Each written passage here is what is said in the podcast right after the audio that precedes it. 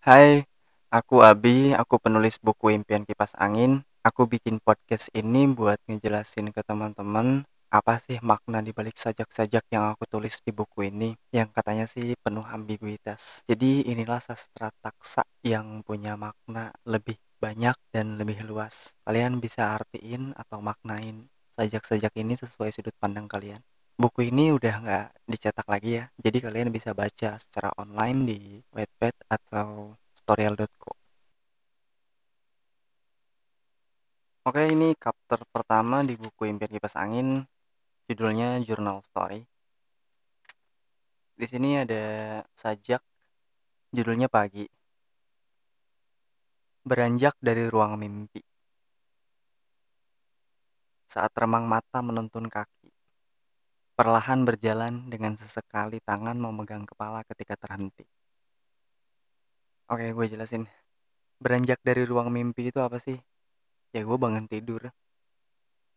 Saat saat remang mata menuntun kaki. Masih apa ya bahasa Indonesianya? Pokoknya masih belum sadar deh bangun tidur.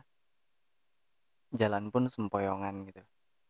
Gue berjalan pelan-pelan kan uh, terus sambil sesekali pegang kepala nih. Agak pusing. Oke lanjut. Bernapas sejenak dan melanjutkan langkah.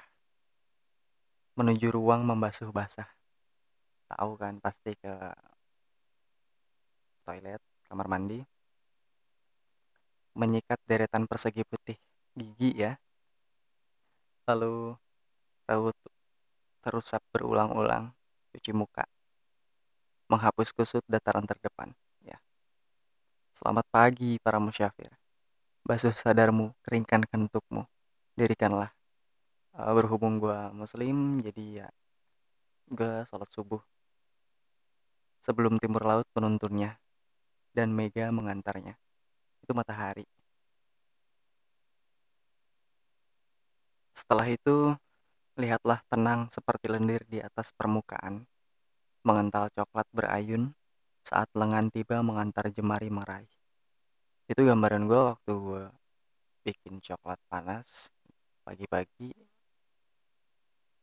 Ya, coklatnya tuh apa ya, susu coklat deh.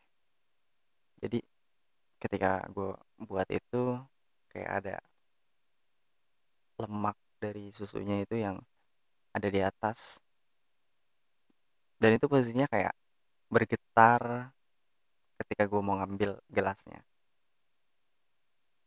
Kuteguk perlahan mengecap lidah, dan dengan hangatnya kusambut pagi yang berkolaborasi dengan putih berdiameter 0,9 cm. Itu gue nikmatin pagi sambil minum susu coklat, sambil ngerokok satu batang dan itu brandnya Jarum Supra kalau nggak salah zaman dulu.